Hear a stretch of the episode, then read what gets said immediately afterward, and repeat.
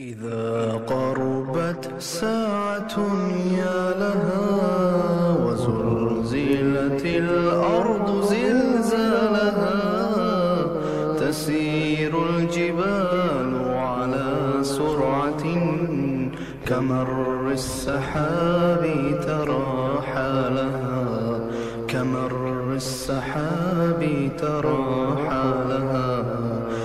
الحمد لله رب العالمين والصلاة والسلام على أشرف الأنبياء والمرسلين نبينا محمد وعلى آله وصحبه أجمعين رب اشرح لي صدري ويسر لي أمري وهل العقدة من لساني يفقه قولي ليس سفاك زهر بريبا الله تبارك وتعالى صلاة ميري سلام الله بسانيك الله منك محمد عليه الصلاة والسلام يقول جاسنو فورو تزوت أصحابه i sve ljude koji slijede put istine do sudnjega dana. Kao što znate, mi smo prošle sedmice počeli sa čitanjem knjige Vjerovanje u sudnji dan autora Alija Salabija, Hafizahullahu ta'ala. Rekli smo da je ovo jedna od šest knjiga koje govore o temeljima imana. Znači autor Ali Salabi o svakom ruknu imana, vjerovanju Allaha, meleke, poslanike, knjige, kader, sudnji dan, o svemu je pisao po jednu knjigu. I inša Allah, nadam se ove sedmice da će i druga knjiga izići i štampi. Mi smo odlučili da ovom našem projektu čitaone ti šest knjiga, ako Bog da iščitamo, pročitamo, prokomentarišemo, kako bi zaokružili jednu izuzetno bitnu cijelinu, a to je ateidet, vjerovanje, dogma, nešto što bi čovjek musliman trebao da zna, da poznaje i da vjeruje. Svakako postoji određena poglavlja iz akide koja nisu sadržana u šest ovih knjiga, ali sigurno jedna velika većina onoga što je čovjeku potrebno da zna iz akide sadrži se u ovih šest knjiga. Svakako da postoje određena pitanja i određeni, možemo slobodno kazati, i teme koje ove knjige neće tretirati, ali sigurno eh, insan vjernik kada bi dobro naučio ovo što se nalazi u šest ovih knjiga, mogao bi za sebe da kaže da poznaje islamsko vjerovanje. Rekli smo da autor u ovoj knjizi, vodeći se učenjacima prije njega, koji govori o sudnjem danu, uvijek su učenjaci govorili minimalno od smrti. Nakon toga kabur, nakon toga proživljenje, nakon toga polaganje računa, nakon toga džennet ili džehennem. Autor je, na početku knjige vidjeli smo prošli put, nismo se dugo zadržavali, ali govorio je o duši, i određenim pitanjima koja treba da čovjek poznaje vjernik koja se vezuju za dušu. Nakon toga je govorio malo o odlasku sa Dunjaluka, o smrti, govorio je o lijepim pokazateljima da je neko otišao sa Dunjaluka, a nakon toga kaže na 71. strani dijela koja imaju za posljedicu ružnu smrti. Autor je tamo spomenuo određena dijela koja mogu biti razlogom. Sam se malo pomakti još malo naprijed, pošto ovi na momci još dolazi, da mogu i oni dole sjesti. Znači, ne može čovjek odgovorno tvrditi, ali imate mnogo dijela koja čovjek kad radi nada se i oslanja se na uzvišnog Allaha da će inšala završiti lijepo svoj dunjalučki život. Pa smo spomenuli ta dijela i spomenuli smo određene znake. E sada logično je da autor ukaže i na loša dijela koji bi se čovjek trebao čuvati, paziti, kako ne daj Bože, ne bi završio loše na dunjalku, jer je došlo u vjerodostavnom hadisu da će čovjek biti proživljen na sudnjem danu onako kako je umru. Pa je razlika da čovjek umri u ibadetu, na seđdi, u danu u kojem je postio, u danu u kojem je klanjao, u danu u kojem je e, zikrio, veličao Allaha, udjelio sadaku i tako da, iz razlika je da čovjek umri u danu ili u alkoholiziranom stanju, nadrogiran, u danu kada je bludničio, u danu kada nije klanjao, u danu kada je psovao Boga i tako dalje. Pa su to ogromne, ogromne, ogromne razlike. Kaže autor 71. stranca se, e, dijela koja imaju za posljedicu ružnu smrt. Mnogo je dijela koja imaju za posljedicu ružnu smrt, a spomenut ćemo e, samo ova. Sumnje u vjerske istine i njuhovo nijekanje. Znači, nijekanje islama i sumnje da je to tačno, to je jedna od najtežih stvari, zato kad se opisuju mu'mini na početku Kur'ana, opisuju se da su to oni koji čvrsto vjeruju u ahiret, čvrsto vjeruju u Allah, wa nemaju nikakvi sumnju u pogledu toga. Prakticiranje novotarija u ibadetu, isto jedna od loših stvari jeste da čovjek prakticira novotarije, kako u vjerovanju akidetu, tako isto i u ibadetima. Odlaganje pokajanja, svakako logično, čovjek koji odgađa pokajanje, odgađa pokajanje, onda e, Znači, logično je da takav insan može loše i završiti, da je to pokazate lošeg završetka, ugađa u pokajanje. Možda je konzumirao alkohol, možda drogu, možda nije klanjao, možda kriminal, ovo, ono, i danas ću, sutra ću, danas ću, sutra ću i umri u tome. Nije se pokajao, svakako da je to e, posljedica posljedica toga je ružna smrt. Nepostojnost u vjeri. Vidjeli smo prošli put da je bilo pokazatelj lijepe smrti, jeste da čovjek bude do kraja svog života postojan, čvrst, kontinuiran, ustrajan do kraja svoga života. Vezan za nekoga drugog mimo Allaha, negativno mišljenje o Allahu, negativno mišljenje čovjek znači umire sa lošim mišljenjem o Allahu i zato uh, E, autor prošli put kad je govorio, ne znam koliko smo uspjeli to pojasniti, pošto jednostavno nemoguće sve spomenuti. U osnovi u životu čovjek bi trebao vjernik da nada u Allahu milost i strah od njegove kazne budu podjednaki. I to je ispravan balans, balans čovjekovog života. I to autor navodi da je to primjer ptice. Znači, ptica jedino može ispravno letjeti ako su njena krila oba zdrava samo godine prošli vamo, bolje tu ćete puhat pod vrata. Ma je, ovdje vam. Osim što kažu učenjaci pred kraj života, već kad ono smrtne muke nastupaju i kad su one posljednje bolesti, tada je dobro da prevagni i prevla, preovladava nada u Allahu milost. Znači u toku života mi treba da idemo svoj životni put strahujući od Allahove kazne i nadujice njegovom oprostu i to je taj balans. Osim predkaja života, kada insan vidi da mu se prikućila smrt, tada treba dati prednost nadi.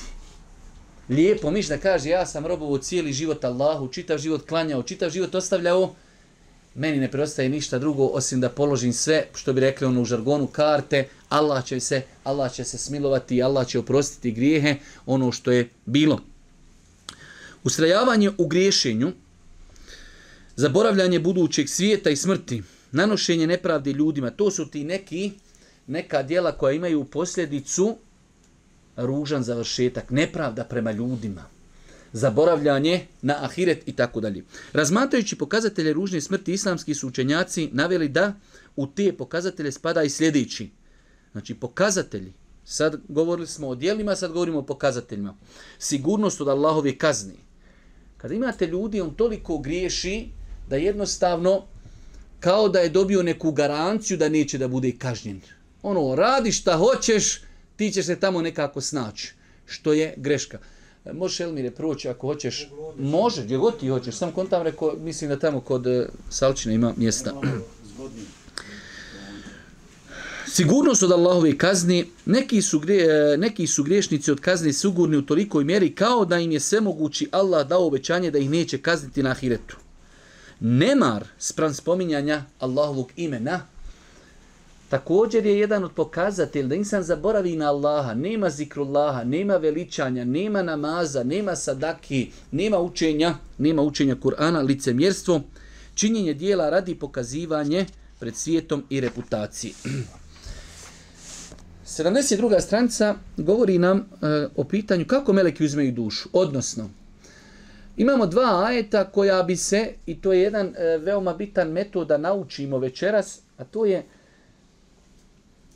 veoma je bitno da čovjek kada neki ajet ne razumije, da pita, da stane, a ne da kaže e, ovo je kontradiktornost, jer nemoguće. Allah Đešanu kaže za Kur'an, zašto ne razmisli o Kur'anu, da je on od nekog drugog, a ne od Allaha, on bi u njemu našli mnogo, znači, E, proturiječnosti. Pa ovdje kaže, autor nam citira dva ajeta. U jednom se kaže, reci, melek smrti koji vam za to je određen, dušu će vam uzeti. Spominje se jednina. Melek smrti uzima dušu. U drugom ajetu Allah Đelšanu kaže, on je vladar nad robovima svojim i šalje vam čuvare. A kad nekom od vas smrt dođe, i zaslanici naši, i zaslanici naši, bez okljevanja dušu uzimaju sad u jednom melek smrti, sad vamo i zaslanici. Pa kako ispravno razumjeti ovo pitanje i to je autor i zbog toga stavio ovaj naslov kako melek uzme i dušu, je li to jedan melek ili je više meleka, pa kaže islamski autoriteti uskladili su značenje navedenje ajeta te su kazali sljedeći meleki koji su pomagači meleku smrtu, smrti vade dušu iz tijela i tjeruju je prema grkljanu a melek smrti koji je u tom procesu glavni melek uzima dušu kad dođe do grkljana Znači, melek smrti ima pomagače. Pogotovo kad su pitanje, mi ćemo postati nevjernici, treba dušu iščupat. Pa oni, znači, čupaju dok dođe skroz, izlazi. I onda melek smrti samo dođe i preuzme tu dušu i to je to. Pa, znači, ovaj aje drugi se odnosi na pomagače, da oni pripremaju uzimanje duše, a melek smrti samo dođe i uzme dušu. Ali kaže na kraju, ima i oni učenjaka koji su kazali da dušu vade pomagači meleka smrti uz njegovu naredbu. Drugo tumačenje ovih hajeta u kojima stoji da pomagači vade dušu jeste da su oni to uradili na, na osnovu naredbe meleka smrti, a samim tim kao da je to uradio i melek smrti. Pa, znači, nema kontradiktornosti između tih ajeta. Nakon toga kaže, smrt je svima predodređena i niko je ne može izbjeći. Autor želi da spomine ovdje nekoliko bitnih pitanja koja su nam potreba, pa kaže, Allah istin ti stvorio je svakog čovjeka i odredio kada će mu e, doći smrtni čas, ne može ga ni ubrzati ni odgoditi. Ovo je mnogo bitna činjenica da čovjek svati hrabrost, hrabri, ne ubrzava smrt, niti kukavičluk kukavica znači usporuje smrt. Smrt je određena. Određeno je sekunda kada će Allah Đelšanuhu e, znači narediti meleku smrti da nekom uzme dušu i e, zato kaže ovdje ne može ga ni ubrzati ni odgoditi to je autor ovdje je potvrdio određenim ajetima. Nakon toga kaže također gospodar svjetov odredio je da, ga, e, da gorku čašu smrti mora svaki čovjek ispiti. Prvo imamo da je smrt određena. Ne može se pomaketi naprijed, ne može nazad. Druga stvar, ne može nikog zaobići. Svi ljudi, bez obzira bili pobožni, loši, vjernici, nevjernici, muško, žensko, bogat, siromašan, imućan, porijeklom, svi ljudi će, svi ljudi će otići sa Dunjaluka kullu nefsin dha'iqatul maut. Isto tako, samo je Allah onaj koji živi i smrt daje, to ljudi nisu uh, kadri. Samo je Allah onaj koji život i smrt daje. Allah je jedini koji može stvoriti i može nekoga usmrtiti. Isto tako, makoliko to želio, čovjek nije u stanju da izbjegne smrt. Otuda je gospodar svjetova zbog izostajanja iz borbe na Allahom putu ukorio dvoličnjake, koji su tvrdili da će, e, da će izostanu, izostanu li pobjeći od smrti. Allah Đelešanu kori licemjere. Oni kažu mi ako ne budemo išli u borbu, spasit ćemo se na taj način, spasit ćemo se na taj način e, od smrti, ali je to netačna konstatacija. I najveći dokaz historije je Hald ibn Velid, koji je bio najveći vojskovođa, znači Allah najbolje zna i to je jedan od najvećih vojskovođa u historiji čovečanstva, koji nije izgubio bitku ni u džahilijetu, ni u islamu.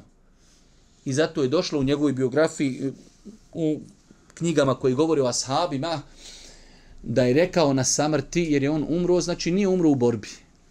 Pa je rekao, kaže, na mom tijelu nema niti koliko pedalj može da tu nije ili zasekla sablja, ili nož, ili koplje, ili strela. Sav izvešetan, a ja, kaže, danas umirem ovdje kao što umire stara deva. Išao sam, kaže, tamo gdje se gini, tamo, znači, prvi uvijek, ali jednostavno, jednostavno uh, Allahov kader, Allahov uh, emer, Allahova odredba je bila da on umri na posteli, a ne u borbi u džihadu. Svakako, Halid ibn Velid, inšala bi izna, će biti kod Allaha nagrađen po svojoj namjeri i nagradi, jer je došlo do na disma da onaj insan koji bude istinski žudio šehadet na Allahom puta će Allah podariti stepen šehida. Ali mi ovdje govorimo o čovjeku koji je išao prvi vojskovođa gine znači tijelo svo izrešetano, ali je ostao živ. Od smrti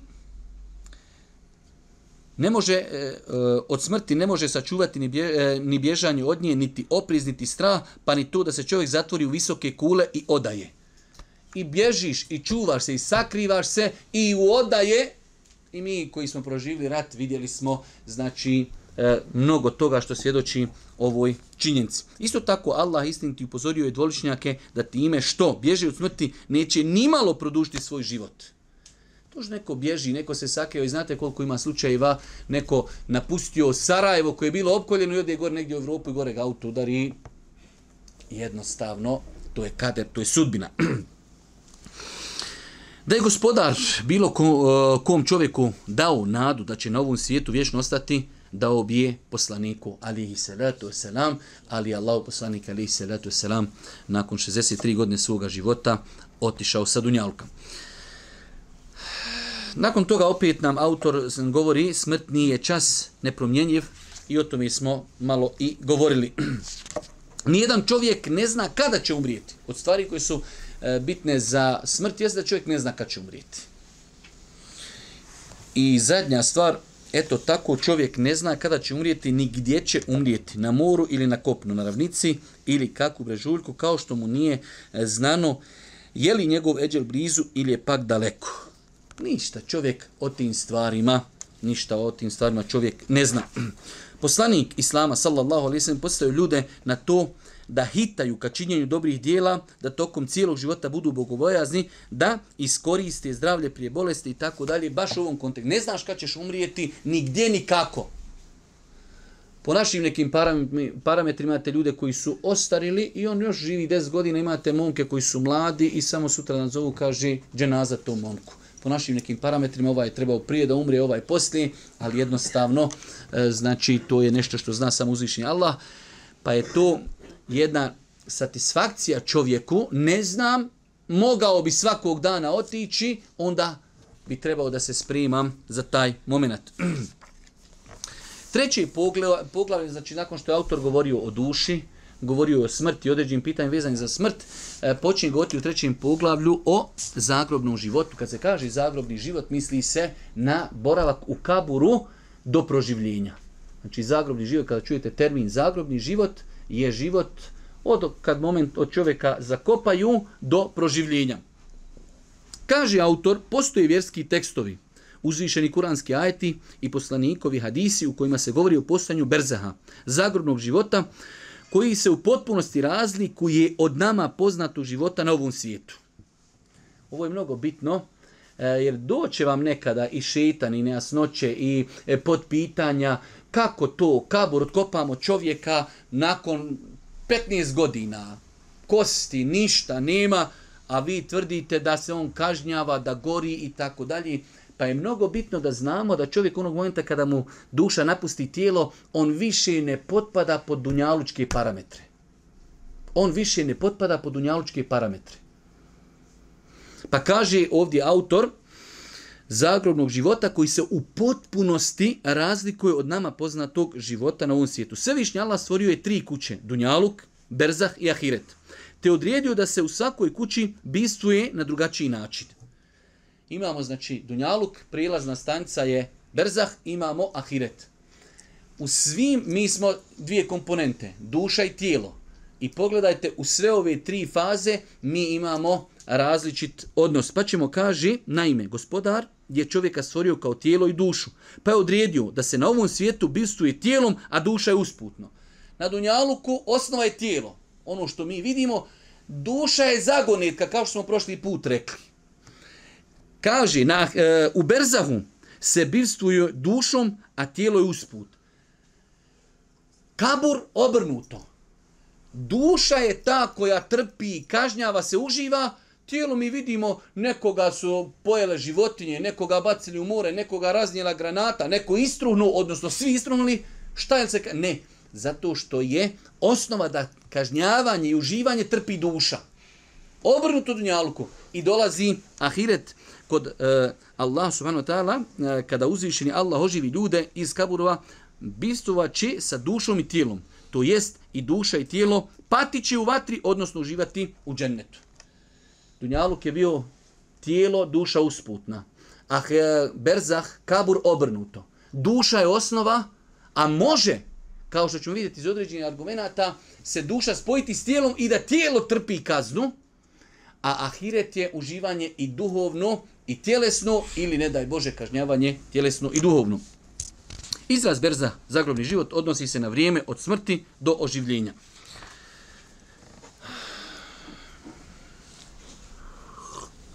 Ovdje autor kaže ajeti koji ukazuju na pustinje kaznju kaboru, 80. stranica.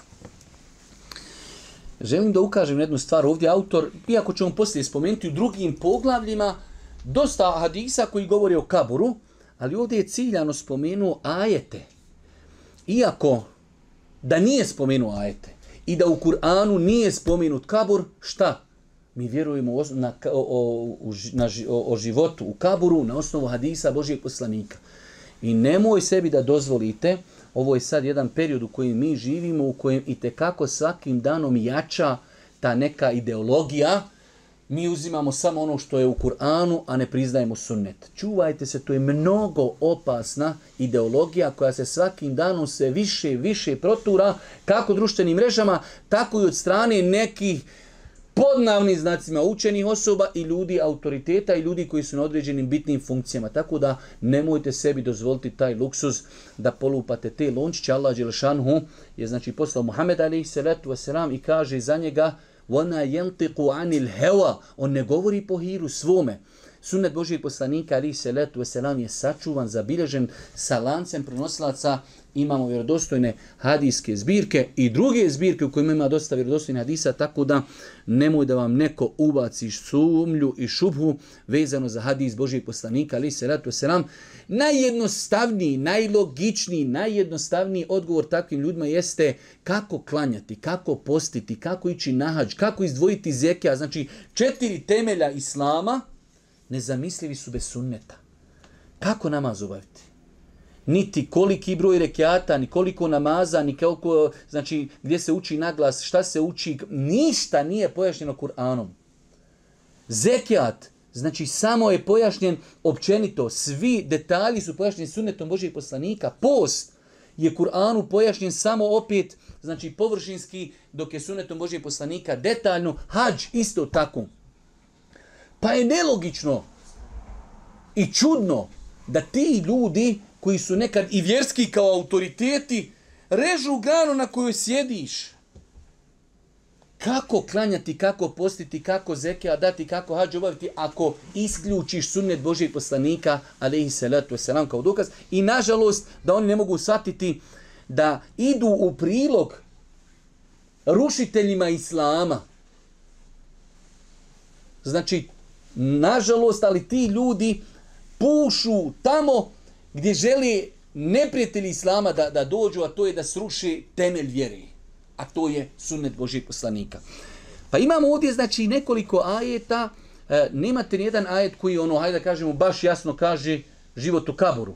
Ali imaju određeni ajeti koji se ne mogu drugačije razumjeti osim da ukazuju da postoji kaburski život, ali opet vam kažem, bez obzira, sad ćemo vidjeti vamo hadis Bera ibn Aziba kojeg zabiliži imam Ahmed sa vredosnim lancem prenosilaca, a imamo hadise u Buhari i Muslimu koji govore o kaburu i mi se tu zaustavljamo da nema nijedan ajet. Nema nijedan ajet koji govori o deđalu. Vjerujemo li mi u deđala? Apsolutno. Ima li jedan ajet koji govori o pojavi Mehdije? Nema. Vjerujemo li mi? Vjerujemo. Vjerujemo. Tako da znači nemoj da slučajno nekome dođu a nam oni i da ga počnu oko toga zabavljati. Pa evo ima ovaj ajet na 81. stranici među beduinima, oko vas ima dvoličnjaka. A ima ih među stanovnicima Medine koji su u, u licemjerstvu spretni. Ti ih ne poznaješ, ali ih mi poznajemo. Njih ćemo dva puta na muku staviti. Pazi, dva puta na muku staviti, a zatim će biti u veliku patnju vraćeni. Ima velika patnja, sudnji dan. Ali prije toga imaju dvije patnje. Imaju dunjalučka iskušenja, ima kaburski azab. Jednostavno, znači, bukvalno, jedan, kro, jedan plus jedan. Sljedeći ajet, i Allah ga je sačuvao nevolje koju su mu oni snovali, a faraonove ljude zla kup zadesi. Oni će se, vidi, govori Allah Žešano faraonu i njegovim ljudima, uništeni, I sad šta kaži? Oni će se ujutro i naveće u vatri pržiti, a kada nastupi čas, nastupi sudnji dan, uvedite faraonove ljude u patnju najtežu. Znači ovdje Allah Žešan spominje da su oni kažnjavaju i u kaburu, a kad dođe sudnji dan, kad dođe polagna računa, tek će tada ići direktno u džehennem. Tako da su to neki ajeti, imamo još drugih ajeta, e, nije nam uopšte toliko bitno, autor je ovdje spomenuo desetak ajeta, nama je bitno znači da mi e, i kroz Kur'an a ovdje u ovom momentu konkretno kroz sunnet Božijeg poslanika vjerujemo u postojanje znači berzaha i života koji nastupa nakon čovjekove smrti. Kabursko iskušenje i ispitivanje dvojice Melika. Allah poslanik Ali se leto sam izrekao je nekoliko hadisa o iskušenju i kaburu i o ispitivanju dvojice Melika. Na to da će Meleki svakom čovjeku u kaburu ostaviti pitanje, ukazuje sljedeći kuranski ajet. Hadis koji bilježi imam Buharije za bilježu Denesa radijallahu ta'ala anhu je poslanik rekao kada se čovjek položi u mezar i njegovi drugovi krenu kući, on čuje to pot njihove obuće. Teško, skroz.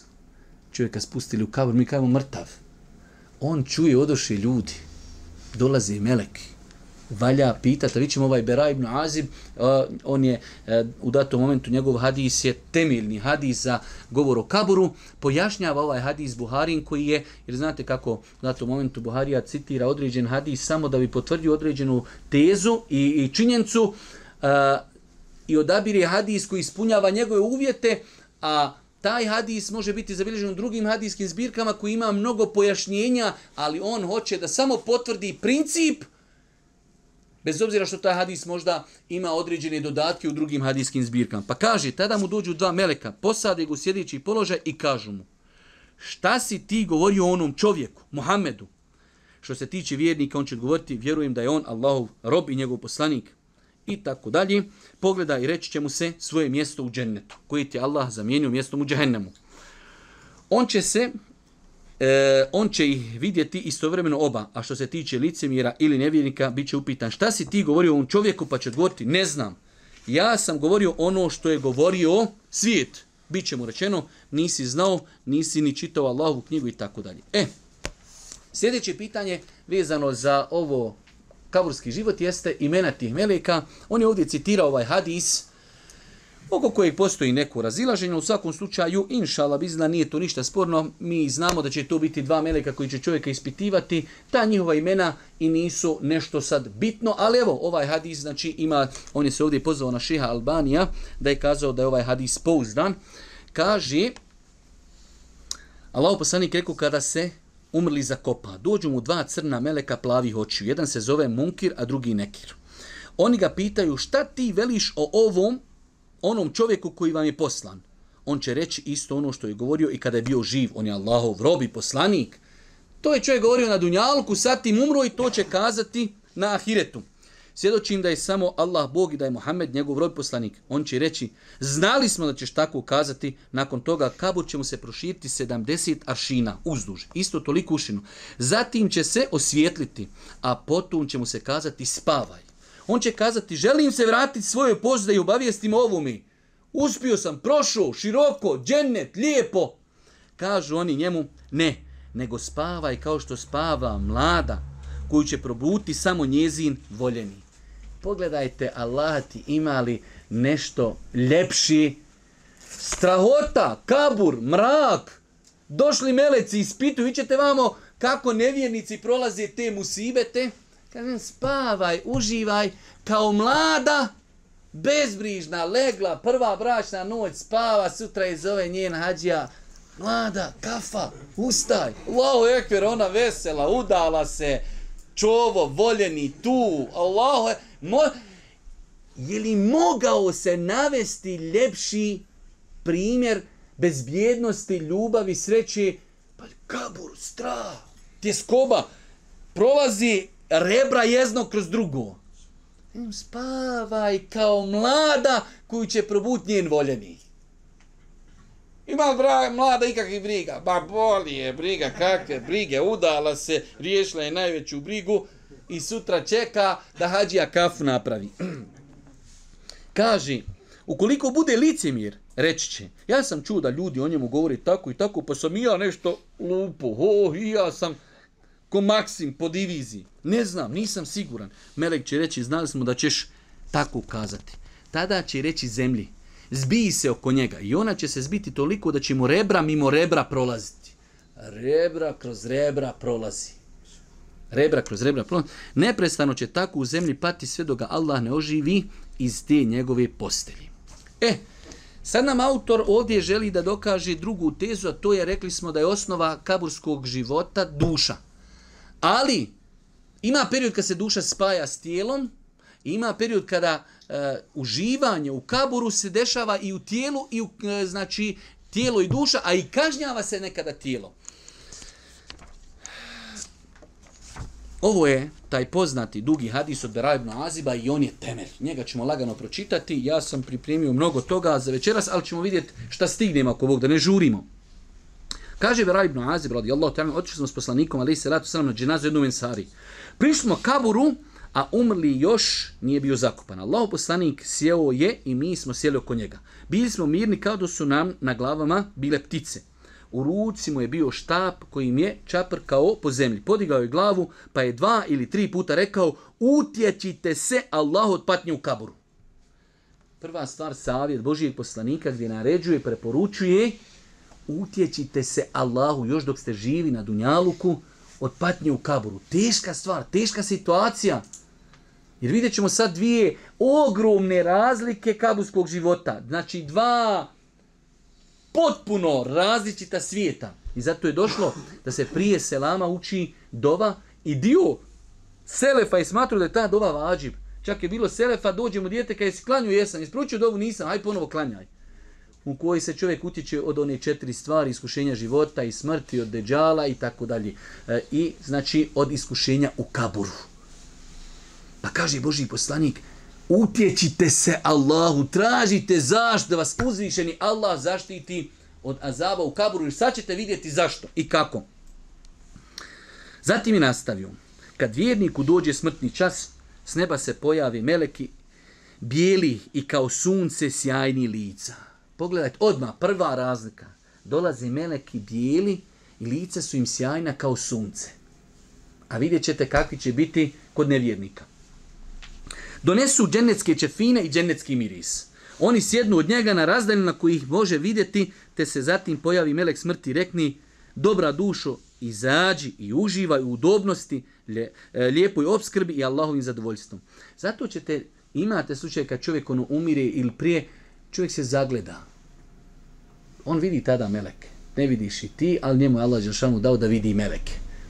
Pa kaže, oni sjednu, lijepi, donijeli džennetske čefine, džennetske mirise, dolazi melek smrti i kaže, o ti plemenita dušo, najljepši naziv, izađi, izađi, e, došlo je u arapskom, ila magfirati min Allah, u ridvani, iziđu Allahom oprostu i njegovom zadovoljstvu. U tom njegova duša izađe na usta lako kao što kap vode kane iz grlića mješini. Nemo mi te stvari, ali kad bi uzeli flašu i ono točite vodu, to je ona zadnja kaplica kada, znači, sa onoga ogrljaka flaši kad kapri. Znači, bez ikakvog napora, bez ikakvih problema. Melek smrti uzme njegovu dušu i ne ispušta je dok je e, meleki ne postavi u dženecke čefine i dženecki miris. Duša vjernika zatim zamiriše kao najugodniji mošus što se nalazi na dunjalku. Meleki zatim dušu nose prema nebu. Kad god noseći njegovu dušu prođu pored neke skupine melek, meleka, oni upitaju čija je tu čista duša? Miriše, znaju da je plemenita, da je čista. Ovo je duša tog i tog čovjeka meleke odgovori i oslove ga najljepšim imenom kojeg su ga ljudi zvali na Dunjaluku. To je Hafiz, to je uh, Hadžija, to je taj i taj po njegovom najljepšim imenu. Pošto dopru do kapija ovo zemaljskog neba zatraži dopuštenje da prođu i one se otvori. I tako iza, izabrani meleki svakog neba prati njegovu dušu dok ne dopre do sedmog neba. Svevišnji Allah tad rekni, upišite mog groba u Iljin i vratite ga u zemlju jer sam ljude od zemlje stvorio, u nju ću ih vratiti iz nje ponovo ih proživiti. Njegova duša bude vraćena u kabor i pojavi se dvojica meleka, te ga posade u sjedeći polaž i pitaju. E, ovo je pojašnjenje za onaj hadis imama Buharije. Znači, duša vraćena u tijelo, taj moment, znači vidjeli ste, on kaže, čuje kako ljudi odlazi. Ovo se sve desilo, kratko, vraća se duša, počinje ispitivanje. Ko je tvoj gospodar? Man rabbuke. On je odgovori, moj je gospodar Allah. Koje si vjeri? Upitaju zatim na što odgovori moja vjera Islam. Meleki reknu, ko je čovjek koji vam je poslan? On odgovori, to je Allahov poslanik, sallallahu alaihi wa sallam. Na poslijetku će upitati. Uoma ilmuke. Znači ovdje je malo prevedeno i ne znam kako je to malo i prošlo, ali vjerovatno po nekom komentaru kao šta si radio, odnosno uh, kako si ti znao da je on poslanik? I kako si znao da je to islam i da je to tvoj gospodar? Pa kaže, Kur'an sam čitao, vjerovao u njega i potvrđivao ga. Učio, učio pisme, nauka, na osnovu nauke sam spoznao i gospodara i vjeru i poslanika. Tada glas nebesa poviči, moj rob istinu govori zastrite ga i prekrijte džennetom i, dženne, i džennetska mu vrata otvorite. I ovdje je malo prijevod, kaže, fe efri šuhu minel dženne. Iz dženneta mu prostirku donesite i džennetskom prostirkom ga pokrite. I šta će ga? I otvorite mu džennetske kapije. U kaburu on tamo vidi džennet. Do njega će džennetski da i ugodan minuis doprijeti a mjesto u kaburu će mu biti prošino daleko dokle mu podiž, e, pogled siži. Znači vidjeli ste tamo. I sad ću opet spomenuti, toliko ti je skoba da rebra prolazi, a kod njega dokle oči mogu vidjeti. Toliko mu široko. Džennet, dolazi miris džennetski, osvjetljen kabur. I šta kaže? Doći će mu zatim čovjek lijepa izgleda, lijepo, e, lijepe odjeće i ugodna mirisa i reći mu, raduj se svoju sreći. Ovo je dan koji ti je obećan. Onaj naš, moramo reći Božu, kaj ko je se od tuda vratio? E to je taj problem. Ovo je dan koji ti je obećan, u koji si ti vjerovao na osnovu Hadisa, na osnovu Kur'ana. Vjerovao si da će biti taj dan. I oni mu kaže, e to je taj dan koji ti je obećan. Ovo je dan koji ti je obećan, vjerni će upitati, a ko si ti? Došao mu je neko lijep, lijepog izgleda. Uh, kaže ko si ti, tvoje lice govori da dobro donosiš. Imate ljudi kada ga vidiš vesel, ono, ovaj kad dolazi s lijepom vješću, ide čovjek drugi namrgođen, kisel, jara, bože nahajr, bože nahajr, ovaj ne mere ti doniti nikakvu finu vijest. Ovaj se mora kazati umro ti je babo ili, ili žena ti je poginula u saobraćajnoj nesreći. Taj ne donosi nikakve fine vijesti. Ja sam, kaže, tvoje dobro djelo. Taj će odgovoriti vjernik će na posljedku povikati gospodaru daj da što prije nastupi sudnji dan kako bi se sreo sa svojom čeljadi i imovinom. Lijepo. Ja rab, što prije da ja tamo hop i sa hurjama. A kad nevjernik napušta, ovaj se, ovo je sve bila priča o vjerniku. Kako napušta Dunjaluk. Kaže uh, Allahu poslanik, a kada nevjernik napušta ovaj svijet i stupa na hiret, s neba mu dođu meleki crnih lica crnih lica koji nosi kostrijet, te sjednu od njega na rastojanje do kojeg pogled dopire. Zatim se pojavi melek smrti i sjedne kod njegove glavi te mu se obrati nečista dušo. Izađi, čekate Allahova srđba. Znači, odma u kost. Izlazi dušo srđba Allahova. Vidjeli ste kako je govorio mu'minu? Obraduj se Allahom oprostu, zadovoljstvu, milosti, džennetu, rahmetu ovome pristupaju skroz na drugi način. Tada se duša nevjernika razleti po tijelu. Vidite hikmeta i mudrosti. Da što teže iziđe. Znači vjernička izlazi kao kapljica. Hop. Njegova duša ulazi u cijelo tijelo kako bi oni što teže iščupali. Subhanallah i ladim. Tada se duša nevjernika razleti po tijelu i melek smrti čupa je kao što čovjek čupa željeznu četku iz mokre vuni ili onaj ožeg, onaj trn. Oni koji su na selu bili znaju kad ovce hodaju i kad se za ovcu zapetlja trn. Lakše ti je, brate, iščupat ašlamu koja je već 15 godina posađena, nego taj trn iščupat iz ovci. Kad se on zapetlja u nju, to čekaš zimu u šišanje i tada ćeš ga izad. Prije toga nema vađenja. A ako bi tio izad, jedna ovca će ručat, znači, čuće i pol planete, iščupaju živce, kosu, sve živo. Ne mreš to otkint. Pa kaže, čupa je kao što čovjek čupa željeznu četku iz mokrije vuni. Ajde, makar suha, pa malo pff, pff, mokra zapetljala, ti čupaš, to iš, samo što čupat jedan kurba, onako, kilo mesa sa tim iščupaš i to je to ošlo. kaže nakon što je isčupaju stavi na tu kostrijet i ona počne smrditi kao najsmrdljiviji e, smrdljivija strv na dunjalku. A vidjeli ste vjernička duša miris je kao najljepši mošus, najljepši misk, najljepši miris. Meleki zatim ponesu dušu prema nebu. Kad god prođu pored neke skupine meleka, ta skupina upita čija je to nečista duša, smrdi, ne mere, maska, ne mereš od njega ne možeš od njega disat. To je duša tog i tog čovjeka oslovivši ga najružnim imenom. To je taj kriminalac Roki, to je taj i tako dalje. Najružnije njegovo ime kojim su ga zvali na Dunjalku. Meleki nosi takvu dušu nevjernika do kapije ovozemaljskog neba. Vidjeli se duša vjernička ošla do sedmog neba. Da vidimo će li ova proć makar prvo nebo. I zatraži dopuštenje da prođu kroz nju ali mu se nebeska kapja ne otvori. Bara ibn Azib kaže, pa je Boži poslanik citirao riječi uzvišnog Allaha u Kur'anu, kapije nebeske neće se otvoriti i prije će debelo uže kroz iglene uši proći nego što će oni u džennet ući. Mi sad uzmeš onaj špak, znamo mi kako je špak debel, evo otprilike, hajde neke ko prst. I doneseš onu iglicu. I hoćeš sad taj špak protirat kroz tu iglicu. Nema te tehlonogije, koja more to i špag protrati kroz tu iglicu.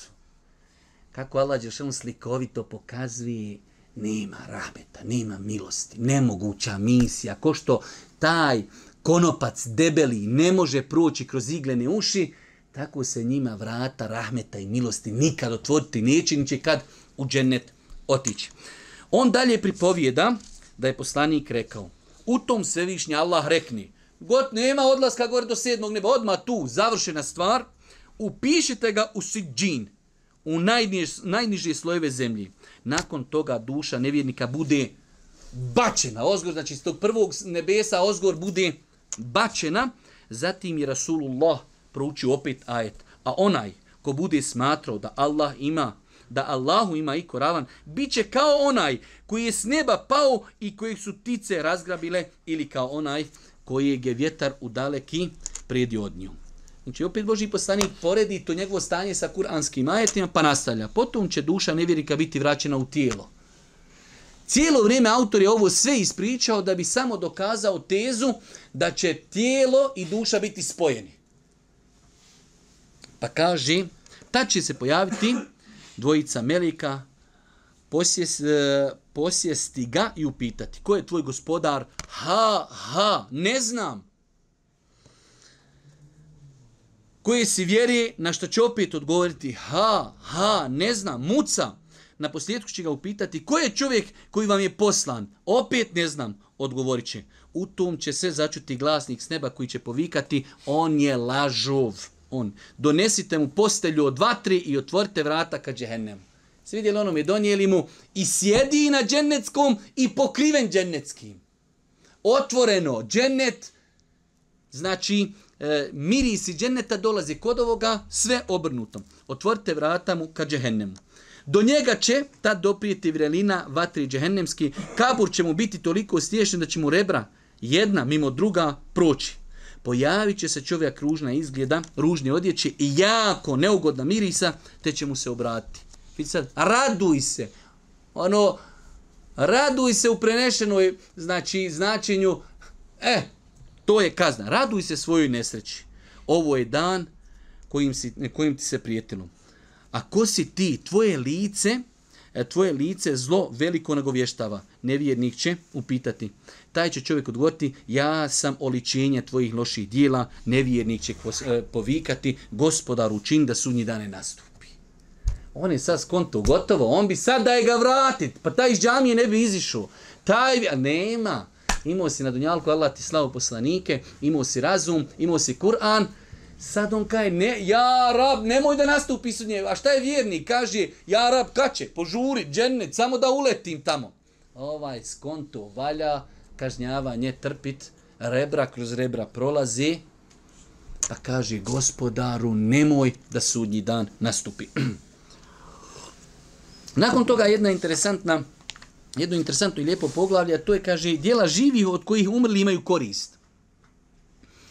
Od Allahovog rahmeta i milosti jeste da je učinio da čovjek i kad umri, jeste osnova, to je jedan veliki, jedno veliko pravilo, umro si, tvoja djela staju. Ali imaju opcije, mogućnosti da se čovjeku dobra djela e, povećavaju zbog njegovih dobrih djela koju radio ili zbog tuđi dobri dijela koje ljudi urade u njegovo ime. Znači imamo dvije opcije. Imamo opciju čovjek oštampu u knjigu. Napisao knjigu Ali Salabi i on sutra kad umre, mi nakon smrti njegove čitamo knjigu, njemu idu se vapi.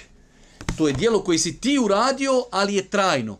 Gazi usredbek. Mi kako klanjamo u džami, ne moramo mi nijeti. Te ovo je sad za gazi usredbek. Nema, brate, njemu ide. Kogod klanja, tu njemu idu se vapi. To je trajna sadaka, neminovno imamo drugi način, a to je da ja uradim svoje dobro djelo i tu nagradu koju ću dobiti, tako će autor to i pojasniti, ja sa njom radim šta hoću. Navio je interesantno jedan lijep primjer, kaže imaš čovjeka koji je dužan čovjek čovjeku. I on kaže, nakon moje smrti, kad umrem, ovom čovjeku halal te dug. Zašto? Zato što znači to je moje i ja mu halalim dug, znači nakon svoje smrti. U svakom slučaju pojenta je da je Allah Đošanu iz svoje milosti dozvolio da Mejit kad umri može imati korist od nekih dobrih dijela ljudi koji su ostali da žive iza njega. Zato kaže, umrli imaju korist od dijela čiji su oni uzročnici, te od traženja oprosta, znači prvo čiji su oni uzročnici, podučio su čovjeka klanjanju. Ti ga podučio u Kur'anu i umro. On kako bude učio Kur'an, ti ćeš imati sevap izgradio si nešto korisno i tako dalje. Te od traženja oprosta i dove koju za njih živi upućuju. Isto tako, vidjet ćete kroz različite momente u islamu. Zašto se klanja dženaza? Jedna od najbitnijih stvari u dženazi je šta? Dova. To je srž dženazi. Čak imate ono kod nas famozno pitanje kada je čovjek izvršio sam ubisto, će mu klanjati dženazu. Kažu učinjaci, tom čovjeku najbolje treba klanjati dženazu. Čovjek čitav život bio u džami, čitav život pobožan i umro. Ma njemu dvojca, trojca ne klanjaju, ta inšala prošu. Ovaj se ubio čoveč, to je najveći grijeh na planeti. Treba okupiti po Bosni da svi mole za njega da mu se Allah smiluje. Jer je cilj dženazi dova. Pa ovdje kaže autor, te od traženja oprosta i dove koji su za njih živi upućuju od udjeljivanja milostinje i obavljanja hađa. Na to nas upućuju vjerski tekstovi od kojih ćemo navesti samo neki. Kaže, onaj ajet poznati, oni koji poslije njih dolaze i govore gospodaru našo prosti, nama i braći našoj koji su nas u vjeri pretekli. Allah u pozitivnom smislu spominje vjernike koji dove za braću koja su ih pretekla, umrli. Da nema koristi od te dove, ne to Allah spomenu u pozitivnom kontekstu. Pa Allah spominje u pozitivnom kontekstu uh, opisuje vjernike koji dove ja rab oprosti našim predacima. Da to nema koristi, ne bi to uzvišeni Allah ni spomenuo. Tu su i dove koji poslanik Ali se ratu sam učio na dženazi. Znači, Allah poslanik kada bi bila dženaza, molio bi Allah da oprosti insanu koji je umro. Isto tako, na 90. stranici, kad je riječ o tome da umrli imaju koristi od milostinje, koju živi udjel na njihovo ime dokaz, zato nalazimo u hadisu Božijeg poslanika, kojeg bilježi imam Buharija preko Aiši, neki je čovjek došao poslaniku i pitao, Allaho poslaniće, moja majka je naprasno umrla, umrla iznenada. Žena bila poznata da voli hajr, da mnogo udjeljuje, ali kaže njen sin, mati umrla, a da je progovorila, da je ista rekla, ona bi rekla da se neka sadaka za nju da, ali nije. Pa on pita poslanika, ali ako ja dam u njeno ime, hoće li joj koristiti? Pa kaže on, nije stigla napisati oporku. Smatram da bi oporučila da se na njeno ime udjeli milostinja. Da je uspjela. Hoće li ona imati nagradu ako ja u njeno ime milostinju udjelim? Da, imat će nagradu. I ovo je jedan od temeljnih hadisa koji ukazuju da čovjek kada udjeli sadaku na ime Megita, to će doći do njega. Allah najbolje zna i insan će imat, Allah najbolje zna jer Allahova milost je velika, to što si ti dao prednost tom imetku, njemu, nad sobom, ja se nadam da ćeš ti imat nagradu. Kao što su kazali islamski učenjak, kad čovjek obavi bez ikakvog naplaćivanja bedel hađ za nekog, bedel hađ, on će biti nagrađen taj mejit za taj hađ, a ti ćeš biti nagrađen što si dao prednost njemu. Mogu si ti otići bedel da budeš 160 puta išao na hađ, što, idem za sebe. Pa si dao prednost da obaviš hađ za njega nad sobom. Pa će te Allah nagraditi zbog ti te tvoje, znači tvog postupka i tvoje namjeri. Kaže se vapi od posta stižu umrlom. Ovo je malo oko posta, svakako je tačno jer hadis u Buhari i Muslimu, da je Boži poslanik Ali se rad sam kazao men mate u alihi saumu saum, saume anhu u alihu, ko umri, a ostao je dužan postiti postiće za njega, postiće za njega njegov staratelj ili e, njegov, znači, kako je ovdje došlo, skrbnik. Kazali su islamski učenjaci da je ovaj hadis se odnosi na situaciju da je čovjek ostao dužan, ali je u datom momentu, e, znači, nije imao kad da naposti. Nije imao kad da naposti. Znači, čovjek bio bolestan namazan i bolest trajala, trajala, nakon toga 15 zvezda i čovjek umru. Nije imao kad napostit. U svakom slučaju, hoću da kažem ovo pitanje oko postaje malo, znači, hajde da kažemo, islamski učenjaci oko njega imaju različita satanja, ali ima ta, znači, opcija da ako čovjek ostane dužan, nije napostio, postio, E, da za njega naposti, da za njega naposti, da za njega naposti njegovi staratelji. Sela po bobavljenom hađa također stiže umrlom, imam ovdje isto dokaz za to da je Božim poslaniku čovjek došao, kaže i rekao, moja se majka zavetila da će obaviti hađ, ali ju je smrt pretekla. Hoću li obaviti hađ umjesto nje, obavi hađ umjesto nje, da je tvoja majka umrla pod dugom, bili ti njen dug vratio, vrati dug Allahu, najpreće je njegov dug vratiti. Žena se zavjetovala da će otići na hađ i umrla. Nije uspila. Pa kaže, Allah poslanik to poredi sa dugom. Ona je, to je dug njoj. Bil kaže da je ona bila dužna komši iz 100 maraka. Bil ti vrat? Pa bi. E, ovaj dug je, kaže, prema Allahu, gospodaru zemlje i nebesa, prioritetniji da se ispuni i vrati tako da mogu nasljednici djeca obaviti hađ za svoga roditelja. I onda opet ovdje navodi argumente da, da umrli imaju E, koristi od dovi, a mi smo već o tome i govorili. Ovdje on ima ovo poglavlje nebo plaći nad umrlim, ali vidite dole hadis 114 usnota, ovaj hadis bilježi imam termizija s nepouzdanim lancem prenosila, tako da nećemo to komentarisati. Šta slijedi umrlog do kabura? Poznato na hadis Božih poslanika da je rekao umrlog do kabura slijedi troje, dvoje se vrati s njim ostane jedno, slijedi ga njegova poroca i metak i dijela. Njegova se poroca i metak vrati, a njegova dijela ostaju.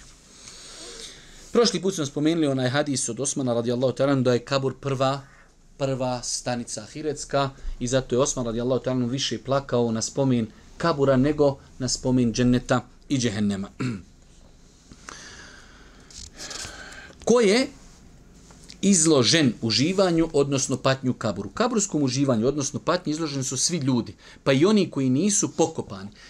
Zna se desiti dama nakada ljudi posle pijenka i šeh, šta će biti s nekom, s nekom osobom koju su jednostavno umrla u šumi, raznijele je životinje, neko je znači, poginuo od granate, neko i tako dalje. Znači, bez obzira kako čovjek umro i gdje je završilo njegovo tijelo, to nema nikakve, apsolutno nikakve veze sa njegovim kaburskim životom. Rekli smo, onog momenta kako izlazi duša, za insana prestaju važiti dunjalučka pravila života. Zato je došlo u onom vjerodostojnom hadisku koji je bilo živom Buharija da je čovjek nekada u prijašnjim umetima živio i da je radio mnogo grijeha. Pa kada mu je došla smrt, nastupila mu smrt, predsa smrt je rekao svojim nasljednicima kad umrim.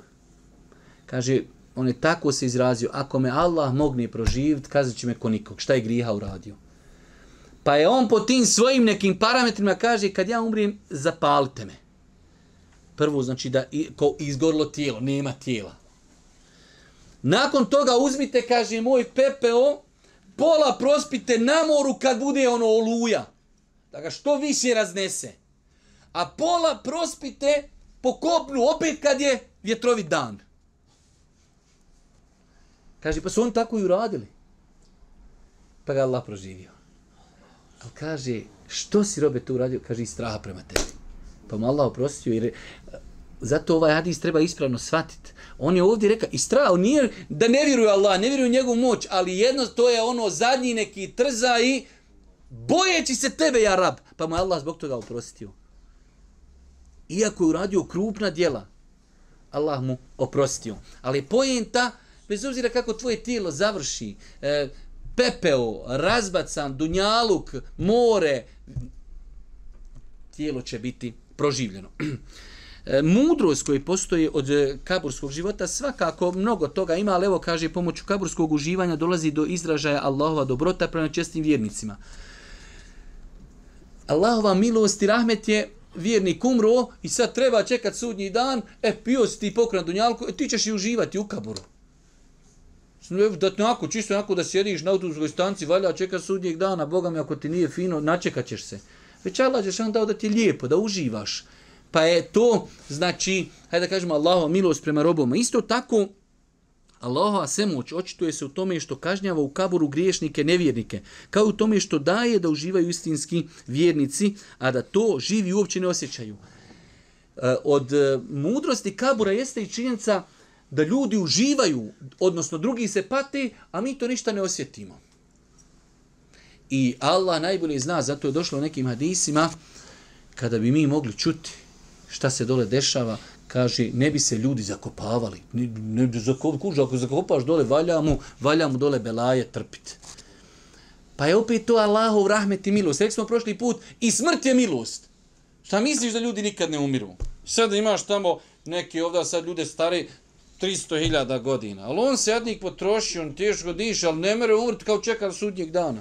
Pa je Allahova milost da ima i ta smrt. Kao što je Allahova milost da ljudi ne čuju kažnjavanje kabura. Da ljudi ne čuju kažnjavanje u kaburu. Isto tako kaburska patnja, ovi hadis koji smo čuli, da Rajbno Aziba i drugi, zastrašuju. Kad vidiš belaje, muke, musibete, pitanja, kabur, tjeskoba, skoba, to insana koji vjeruje u Boga, vjeruje u, u Božijeg poslanika, ali se ja sam, to mu daje snage da ustraje, da se strpi od grijeha i tako dalje. Nakon toga, je li kaburska patnja stalnog ili prolaznog karaktera? Shodno znači vrstama ljudi. Neki ljudi znači će uživati u kaburu, a neki ljudi će biti neki ljudi će biti kažnjavani. E, evo, pokušat ćemo, iako je ovdje autor stvarno, ja sam htio da dođemo, inšala, ako mognemo ikako do kraja, ali teško. Nedjela i kaburska patnja. Na pitanja koja dijela imaju za posljedicu kaburskog patnju možemo dati sažiti opširan odgovor. Znači sad kad bi neko rekao dobro kako da se zaštitim i sačuvam od kabura, kaže autor, možemo dati dva odgovora. Imamo jedan odgovor općenit, imamo malo detaljniji, nije malo, malo puno detaljniji. Kada smo htjeli dati sažet odgovor na ovo pitanje, kazali smo da će ljudi u kaboru biti kažnjani zbog neznanja o gospodaru. Ljudi nisu znali gospodara, samim tim nisu znali propise, nisu se pokoravali, nisu ostavljali ono što je zabranjeno, nisu radili ono što je naređeno. Pa su zbog toga kaj, jer vidjet ćemo poslije kad detaljno onaj koji radi ovo, radi ovo, radi ovo, se kažnjavan zbog toga. Zato što nije spoznao svoga gospodara za postavljanje vjerskih naredbi i činjenje vjerskih zabrana. To je neki rezimi. Nisi spoznao gospodara, činio si zabrajno, ostavljao si ono što je naređeno. To je neki rezimiran odgovor. E sad, ovdje je autor, hajde to ćemo onda preskočiti. Iako sam ja imao za želju da vam to spominim, on je ovdje nabrojao doista, ali dobro da pročitate, mnoge grijehe zbog koji će ljudi biti kažnjavani, odnosno on je naveo sve vrste grijeha koji postoji na planeti, ali ono što je nama interesantno, inšala, to ćemo preletjeti i završiti time večerašnje druženje, dijela koja imaju za posljedicu patnju u kaburu. Znači, dijela za koja su došli posebni argumenti koji ukazuju da će počinjuci tih dijela biti kažnjavani u kaburu, a generalno svi grijesi koje čovjek je radio imaju udjela u tome da čovjek bude kažnjavan u kaburu. Pa kaže, prva stvar, širk i nevjerstvo širk i nevjerstvo jesu dijela koja u najvećoj mjeri imaju za posljedicu patnju kaburu. Apsolutno. Čovjek činio širk, nije vjeruo u Allah s.w.t., bio nevjernik, odbijao istinu, odbijao dokaze, odbijao Kur'an, odbijao sunete Božeg poslanika, ali se ratu sram, pripisivao Allah s.w.t. sudruga, definitivno je to najveći grijeh, koji ga Allah Žešano neće nikome oprostiti ako umri, a nije se pokajao i definitivno da će zbog toga ljudi najviše kažnjam biti u kaburu, a nakon toga svakako i na sudnjim danu. Druga stvar, licemjerstvo. Licemjer će biti stavljeni na muke dva puta, jednom na ovom svijetu kroz iskušenja i jednom na hiretu jeste u kaburu. Imamo, to je sve ko neki vid uvertirije, priprema, dunjaluk, iskušenja, kabur, iskušenja, a tek onda dolazi kazna. Prenošenje tuđih riječi. Došlo je u vjerodostojnom hadisu da je poslanik rekao ova dvojica umrli izložena su kazni, ali ne zbog golemih prijestupa. Ovdje se misli više, kad ne kaže se, ne zbog velikih prijestupa. Jesu to veliki prijestupi, ali nije im bilo teško se čuvati da su htjeli. Inače, prenošenje tuđih riječi je gibet i nemimet su veliki grijesi, ali može se insa toga sačuvati. Pa kaže, jedan od njih prenosio je tuđe riječi, a jedan se nije čuvao od mokraće prenošenje tuđih riječi s ciljem zavađanja muslimana. Čovjek kad prenosi, kaže, ja slušao šir Safeta, priča o tome i nekom kaže, to je ekstra dobro. Prenosite Safetove riječi ljudima, istinu, to je ekstra. Ali, kaže, ja sjedi uči sazu, znaš šta kaže o tebi? A ja da si bilmez onaj najtezi na planet, drate. Allah ti! I, e, eh, evo tu uspjela se posvađati prenošenje tuđih riječi s ciljem unosi, unošenja mržnje i zapleta i ostalih nezgodnih stvari među ljudima. Jedan je od njih prenosio tuđe riječi, a jedan se nije čuvao od mokraći. Nažalost, ovo je opasna stvar. Zato je došlo ovdje i kaže Allah poslanik, uzeo svježu grančicu. Prepolovio i svaku, znači, onaj kabur, humku, zabio po jednu grančicu kazavši, nadam se da će im kazna biti ulošena sve dok su ove grančice ne osuši. On se kažnjavaju, tolika je teška kazna da je Boži poslanik uzeo granu od palmi i popolovio je na dva dijela i zabao. Kaže, evo, ta hladnoća te grani je svježina, eto, to će malo umanjiti njihov kaburski azab dok se ta grančica ne osuši. Opasna pojava kod našnjeg naroda, vjerujem da ste svi ti s time suočeni, u smislu da ste čuli zato da se muškarci ne peru i ne čiste nakon obavljene fiziološke potrebe i mokrinja. Uh, Znači, ljudi koji klanjaju, ljudi koji dolaze u džamiju, čovjek ode, e, pogotovo na selima, što mi koji smo živili na selu to znamo, čovjek on krene do WC i on dođe kod WC, a on vrši nuždu. To je, to je, kod nas, mi koji živimo na selu, to znamo da se to tako dešava. Znači, on je došao do, kod vrata, znači tu, kod čoška, kod vrata, on tu obavi i ode još, hoće lavdes, neće, uglavnom, ode u džamiju gdje ti znači hiljadu miliona posto znaš da se on nije očistio i šta još ima problema u, u paketu da ih sad ne navodimo pred kamerom. Ali je poznata pojava kod nas da ono, pff, nema to ništa, brate, to je znači čistimo se od velike fiziološke potrebe, od male potrebe nema se čist. Nečistoća mokraće je znači identična nečistoći neđaseta, velike fiziološke potrebe identično po konsenzusu jedno i drugo je nečisto i obaveza je i muškarcu i ženi da se čisti od mokraći. Vidite da je jedan od najvećih razloga kažnjavanja u kaboru nečuvanje od mokraći. Pronevjera.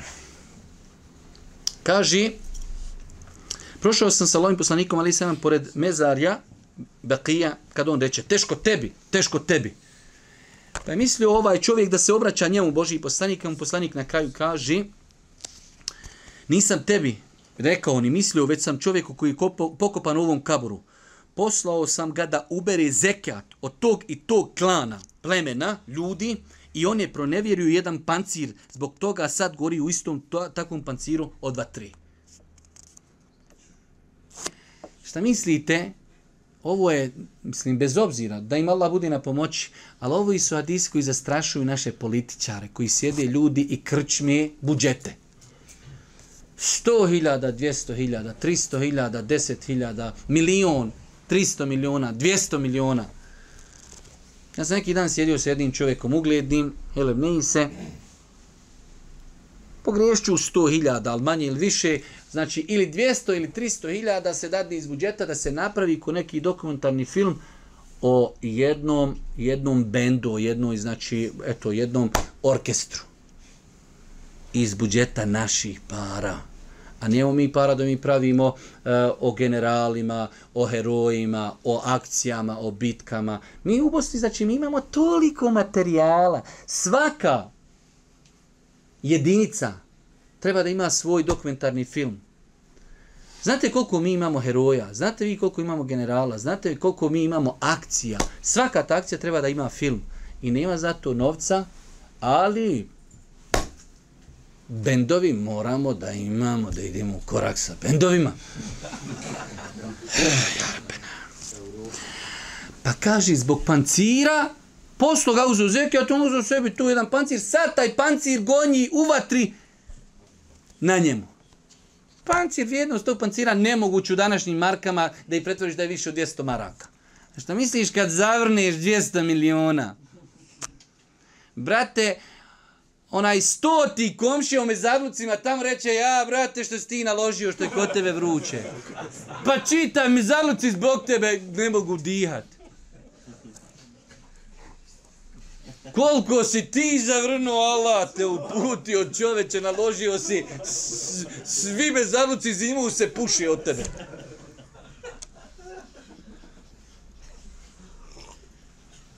Um, oholost, umišljenost u odjevanju. Ibn Omar je rekao da je poslanik kazao neki čovjek dok je hodio nadmeno. A Vildan, hoda, mogu digni bench. I? Kud? Šta moraš dignuti? Kaži, vukući svoj ogrtač po zemlji, utjeran u zemlju, kroz nju će propadat do sudnjeg dana.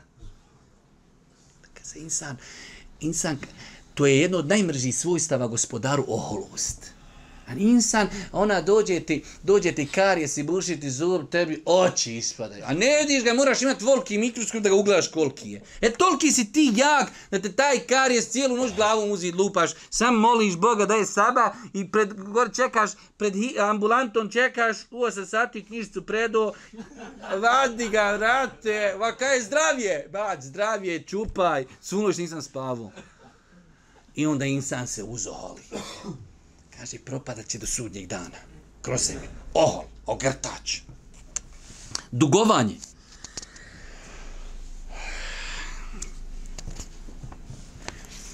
Nakon toga, kaže, zapostavljanje Kur'ana i prespavljivanje obaveznog namaza. Laganje. Nemoral. Nemoral. U prethodnom podružnjem hadisu kojeg prenosi Semura radijallahu ta'ala kaže se krenuli smo dalje. Govori o hadisu gdje Boži poslanik ali se letu veselam prolazio u snu pored određenih kategorija ljudi pa kaže krenuli smo dalje i došli do nečega što je ličilo na furunu. To vam je ako ste gledali ono, one furune, one okrugle gdje ljudi tamo po arapskom svijetu, po Afganistanu gore peku one hljebove. Kaže, nadvirili smo se nad nju i ugledali muškarce i žene potpuno gole razbuktala vatra, bila je ispod njih. Kad bi god vatra doprla do njih, oni bi, kaže, silno zavrištali. Meleki su, znači, e, vatra bi ih potrela, on kad gore dođe ureda, ono kao krenu izaći, vatra se spusti. Oni se dole spuste i, vatra, i tako cijelo vrijeme, znači se kažnjavaju u toj nekoj ogromnoj furuni. Kaže, meleki su vjerovjesniku sala se na kraju objasnili, pa su kazali, što se pak tiče golih muškaraca i žena koji su bili u uh, prostor u sličnom furni, to su bludnici i bludnice. Et kako je Allah kažnjava? E, hoćeš na dunjalku da radiš blud i nemoral, e, sad ćeš se kažnjavati u vatri i kažnjavat ćeš se go. Eto, tijelo si na dunjalku da budeš, e, evo, sad ćeš imat kažnjavanje e, na takav način. Poslovanje uz kamat, opet uz onaj duži hadis, poslanik je spomenuo da se ljudi kažnjavaju zbog kamati, izostavljanje ramazanskog posta bez opravdanog razloga. Ovdje je došlo u hadisu kada je Boži poslanik vidio da se ljudi kažnjavaju, pa kaže na kraju to su oni koji post prekidaju prije vremena. Postili su oni. Ali eto, ono, u sedam iftar, ba daj upola sedam, brate, dobro je, to je, to negdje, tu je. Znači, čovjek, šta mislite? Kakva je kazna za onko nije postio? Ovi su postili, samo je to malo se iftari ranije nek što treba pa će zbog toga biti kažnjavani kako je ovdje spomenuto u hadisima. Interesantan hadis. I danas sam se oko njega baš zabavio i tražio njegovu onaj ocjenu. Uskraćivanje mlijeka do inčetu. Što je jedna velika danas, e, ajde kažemo, praksa i pošast da žene iz različitih nekih razloga, da li nekad zbog linije, nekad zbog obaveza, vako, nako, gore, dole, uh, uskraćuju svom rođenom djetetu mlijeko koje Allah stvorio u toj ženi i koje najbolje odgovara njenom djetetu. I prebaci ga odmah jednika na nog hapice i on adnik. Odmah je on od prvog dana svog života pun hemije. Umjesto da žena djete to svoje makar godinu, godinu i pol, dvije dok počinje da jede, da ga otrani na tom što mu je Allah dao i propisao, ona zbog dali posla, zbog obaveze, zbog ovoga, zbog on pa a u većini slučajeva eto onaj i zbog fizičkog izgleda uskrati najbližoj i najbliskoj osobi nešto najkorisnije. Pa kaže, ukoliko majka dojenčetu namjerno uskrati mlijeko koje je svevišnji Allah stvorio u njenim dojkama i hrani ga mlijekom u prahu, koje majčino mlijeko ne može zamijeniti, niti mu je slično, ta, a, ta mogu li ljudi napraviti nešto što je ravno onome što je Allah stvorio? Nek, nikada. Posljedica će biti da će se dijete, da se dijete neće razvijati onako kako treba, a majka će zbog toga biti kažnjena u kaburu. O tome govori hadis od Ebu Umame radijallahu ta'ala anhu, u čiji, e, a čiji smo dio malo čas naveli. Dakle, ovaj časni asab pričao je da je Allah poslanik kada sam kazao, zatim su me poveli dalje. Kad? Gli zmije ujedaju žene za dojke. Upita, ko su ove žene? To su žene koje su uskratile svoje mlijeko dojenčetu. Ovaj hadis je Albani u više svojih knjiga ocijenio vjerodostojnim sahih bilježi ga Ibnu Huzeme. Vezivanje i kažnjavanje životinja. U džehennemskoj vatri vidio sam i ženu koja je svizala mačku i izgadnjivala je do smrti ne pustivši je da sama uh, gmizavcima se hrani. Vidite kako je islam savršen, kako je potpun do te mjeri da znači po nekim ono, aj, kajmo, parametrima, vidite sad ubiju 100 muslimana, 200, 300, 1000, zarobljeno ono ništa. Mačka, životinja, ali je, ali je živo biće. Žena je zatvorila mlačku i nije joj dala, nije ona nahranila, niti je pustila. Zato nekad ljudi imaju problem, kaže, še, imaju neke oko, ono oko naše kuće, šta ja znam, psi ili mačke, pusti ti njega, njemu Allah dao insti kako će se on hrant. Ne zadnje se hrant, nije to tvoj problem. Ali, ako si ga zarobio, kao što kažu, no, zarobio ti bude kućni ljubima, stavio ga u kavez, onda je tebi ozad da mu obezbediš hranu i, i vodu. Ako ne pusti ga, on će se snaći.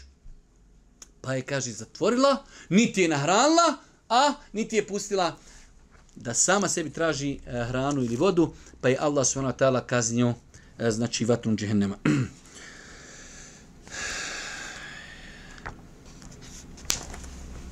U svakom slučaju, ovdje nam dolazi na 113. stranici poglavlje kako se sačuvati od kaburske patnje. Ako Bog da, tu ćemo, tu ćemo stati i ako Bog da, tu ćemo nastaviti sljedeće predavanje. Allah te barakve ta'ala, molimo da nas podući korisnim znanju. Molimo da smo na ta'ala da nam bude milostiv kako u životu, tako u kaboru i na sudnjem danu. Na kraju subhanak Allahumma bihamdike, šedan ilaj ilaj instakfiruke, vetubu. Ilijek.